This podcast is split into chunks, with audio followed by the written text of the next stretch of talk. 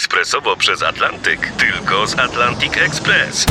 Z nami wyślesz co chcesz, kiedy chcesz, do kogo chcesz i to o 40% taniej. W Atlantic Express wysyłamy wszystko, co chcesz. 1 800 775 7363. Mienie przesiedleńcze, kontenery, paczki do Europy. Atlantic Express to 30 lat doświadczenia i o 40% niższe ceny na wysyłki kontenerów, samochodów i paczek. Ekspresowo przez Atlantyk tylko z Atlantic Express.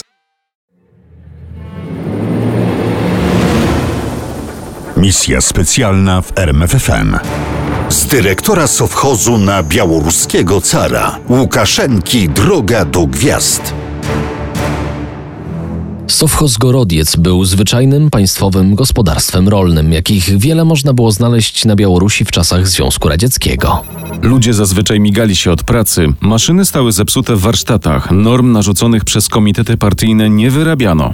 To wszystko zmieniło się w marcu 1987 roku, kiedy dyrektorem sowchozu został nikomu nieznany Aleksander Łukaszenka. Łukaszenka, syn prostej dojarki z kołchozu i nieznanego ojca, szukał powodzenia w karierze działacza komsomołu i partii. Bez powodzenia. Nie odpowiadała mu również rola nauczyciela historii w szkole. Łukaszenka przejawiał jakąś mocną potrzebę kierowania ludźmi. Lubił rządzić i właśnie dlatego zdecydował się zostać dyrektorem sowchozu. A ponieważ to stanowisko wymagało kwalifikacji, których nie posiadał, skończył studia ekonomiczne i w końcu cel osiągnął. Sowchoz Gorodiec pod Szkłowem na wschodzie Białorusi szybko zyskał sławę wydajnego przedsiębiorstwa. Puszczałem pracownikom w dzierżawę ziemię i maszyny. Tłumaczył źródło sukcesu dyrektor. Ludzie poczuli, że coś od nich zależy, ale przede wszystkim zobaczyli efekt wymierny swojej pracy w postaci pieniędzy. Inna sprawa, że dyrektor zasłynął z brutalności. Bił nieposłusznych lub leniwych podwładnych. Pisał dla dziennika polskiego Paweł Stachnik. Na szerokie wody białoruskiej polityki Łukaszenka wypłynął pod koniec lat 80. Został posłem w Radzie Najwyższej Białoruskiej Republiki Radzieckiej, która później, już w dobie niepodległości, zmieniła się w parlament. Na mównicy stawał często i mówił kwieciście, nie stroniąc od wulgaryzmów i obelg. A ponieważ obrady relacjonowała telewizja, w krótkim czasie postać deputowanego spod Szkłowa stała się rozpoznawalna przez miliony Białorusinów. W tym samym czasie Aleksander Łukaszenka był zwolennikiem zmian, wolności słowa i demokracji. Krytykował nomenklaturę i działaczy partyjnych za ich przywileje i korupcję. Domagał się uczciwości w polityce, a w gospodarce prywatyzacji. Dlaczego Łukaszenka zaangażował się w tę robotę? Zapewne wyszedł z przekonania, że aby zbudować nowe, trzeba najpierw zburzyć stare. A jak pokazała przyszłość, umiał mącić i niszczyć. Tylko kampania antykorupcyjna pozwalała przy jednym ogniu upiec wszystkie pieczenie. Uderzając w korupcję, niszczył Łukaszenka przeciwników politycznych i zdobywał uznanie ludzi bardzo czułych na wszelkie afery korupcyjne. Udało mu się stworzyć wokół siebie mit człowieka z ludu, przejętego demoralizacją elit politycznych suwerennej Białorusi. Pisał Mariusz Orbach na stronie portalu psz.pl. Ta popularność nie spodobała się przewodniczącemu Rady Najwyższej Stanisławowi Szuszkiewiczowi. Nie zamierzał jednak ani usuwać aktywnego deputowanego z parlamentu, ani tym bardziej niszczyć jego kariery. Przeciwnie, zrobił z Łukaszenki wojującego pretorianina, który miał dla Szuszkiewicza zniszczyć wszystkich polityków skalanych podejrzeniem korupcji. Kiedy głośno mówiono o potrzebie zorganizowania komisji do walki z korupcją, postanowiłem włączyć do niej Łukaszenkę. A potem doszedłem do wniosku, że dobrze będzie, kiedy Sasza zostanie jej szefem. Szuszkiewicz nie przypuszczał nawet, że wygadany dyrektor sowchozu przysporzy mu kłopotów. Kłopoty spadły na Szuszkiewicza pół roku później. 14 grudnia 93 roku Łukaszenka wszedł na mównicę, poprawił mikrofon i zaczął wystąpienie, które otworzyło mu wrota wielkiej kariery.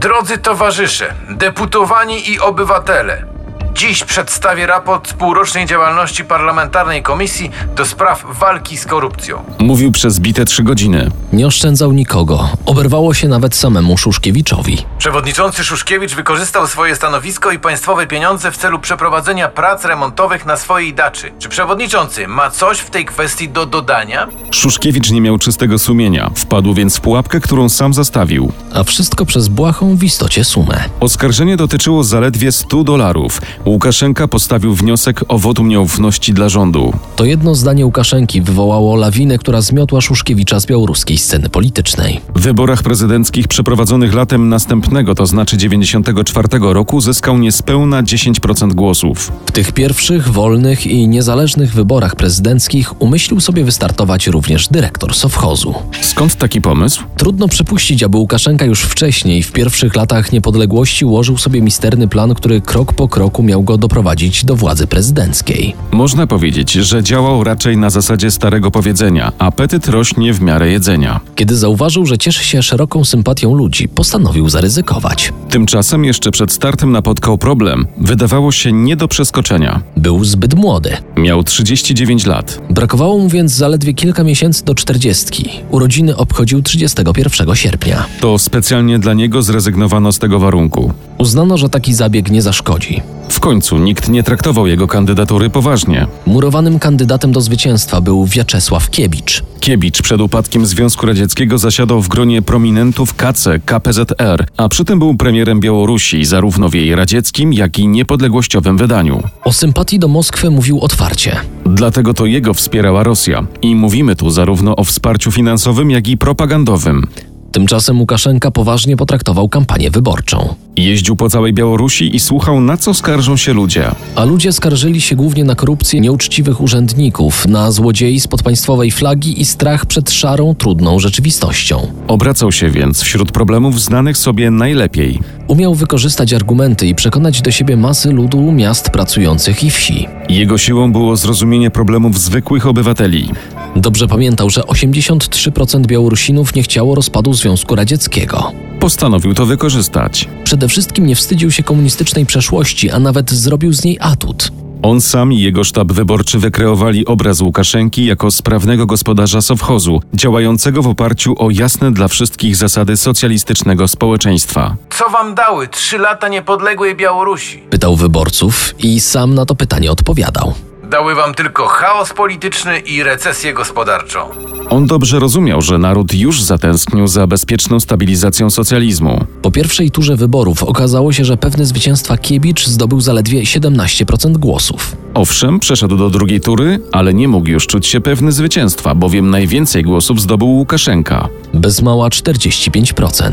Druga tura zakończyła się jeszcze lepszym wynikiem Łukaszenki. Poparcie sięgnęło 80%. Jak się okazało, Rosja postawiła na złego kandydata. Lecz jak miała pokazać przyszłość, wcale na tym nie straciła. Wiosną następnego roku Łukaszenka zaproponował narodowi referendum, w którym znalazły się między innymi takie pytania. Czy popierasz ścisłą integrację gospodarczą i polityczną z Rosją? Czy popierasz powrót do starych radzieckich barw Białorusi? Czy popierasz równouprawnienie języka rosyjskiego? Na te wszystkie pytania Białorusini odpowiedzieli tak. W ciągu ostatnich lat XX wieku Białoruś i Rosja związały się czterema umowami, które doprowadziły do powstania państwa związkowego Rosji i Białorusi. Po rosyjsku Sojuznoje Gasudarstwo Rosji i Białorusi. Polacy jak najbardziej zrozumiałą złośliwością nazywali ten sztuczny twór polityczny skrótem ZBIR. Zaś rosyjscy liberałowie twierdzili, że to nie Jelcyn czy Putin, a właśnie Łukaszenka był twardym zwolennikiem zjednoczenia Białorusi i Rosji. Czemu Łukaszence tak na tym zależało? Liberałowie rosyjscy tłumaczyli to ambicją Łukaszenki. Obawiamy się, że jego ostatecznym celem politycznym może być Kreml. Tymczasem w tle podpisywanych co kilka lat rosyjsko-białoruskich umów Łukaszenka załatwiał dla biednej republiki kredyty z Moskwy. Ale pozwolił też, aby narodowy majątek Białorusi wykupili rosyjscy miliarderzy. Wreszcie z poparciem Moskwy, jak twierdzą opozycjoniści, zaczął wprowadzać rządy silnej ręki. W listopadzie 95 roku w wywiadzie dla niemieckiego dziennika powiedział: Niemcy podniosły się z ruiny dzięki silnej władzy. Nie tylko złe rzeczy wiążą się w Niemczech z Adolfem Hitlerem.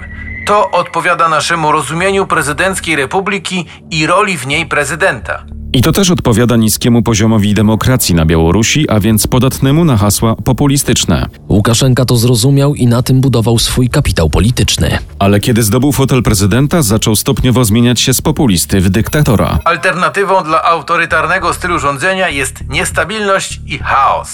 Ja zawsze przyznawałem, że lubię autorytarny styl kierowania państwem. Mówił w sierpniu 2003 roku Łukaszenka. Trzeba kontrolować kraj, a najważniejsze jest, aby nie rujnować ludziom życia. Najpierw ofiarą Łukaszenki i dyktatora padł Trybunał Konstytucyjny, potem parlament. W końcu przyszedł czas na konstytucję i niezależne media, a jakoby przy okazji zmieniono datę święta państwowego. A wszystko to odbyło się pod przykrywką referendum. Według państwowych mediów poparcie dla zmian proponowanych przez Łukaszenkę wynosiło 70%. Dlatego pewny swojej siły Łukaszenka najpierw rozwiązał parlament, a potem przy pomocy demokratycznych narzędzi wyborczych obsadził go lojalnymi deputowanymi. Nie pomogły protesty Unii Europejskiej ani przewodniczącego Centralnej Komisji Wyborczej Wiktara Hanczara. Referendum przeprowadzono bezprawnie, rozwiązany parlament nadal powinien pracować. Pan Hanczar podważa decyzję narodu, obraża samodzielność Białorusinów. Mógł na to odpowiedzieć Łukaszenka.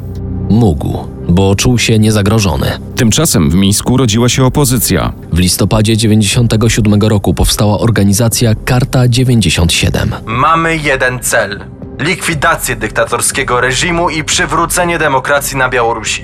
Każdy, kto dołączy do protestu opozycji, zostanie potraktowany jak terrorysta. Skręcimy im kark, jak kaczce. Straszył Łukaszenka. I chyba straszył skutecznie, bo opozycja jak na razie ma niewielkie poparcie wśród szarych obywateli. Z czego to wynika? Na stronach magazynu TVN24 dziennikarz Igor Sokołowski daje na to pytanie odpowiedź. Białorusini często swoją sytuację porównują nie do państw zachodnich, a do byłych sowieckich republik i na tle na przykład pogrążonej w wojnie Ukrainy czy zżeranej przez korupcję Rosji, życie na Białorusi prezentuje się przyzwoicie. Poza tym, wbrew stereotypowej i fałszywej opinii, nasz wschodni sąsiad to nie Korea Północna. Białorusini mogą swobodnie podróżować, korzystać z internetu i nikt nie trafia do łagrów za myślozbrodnie. A może to nieprawda?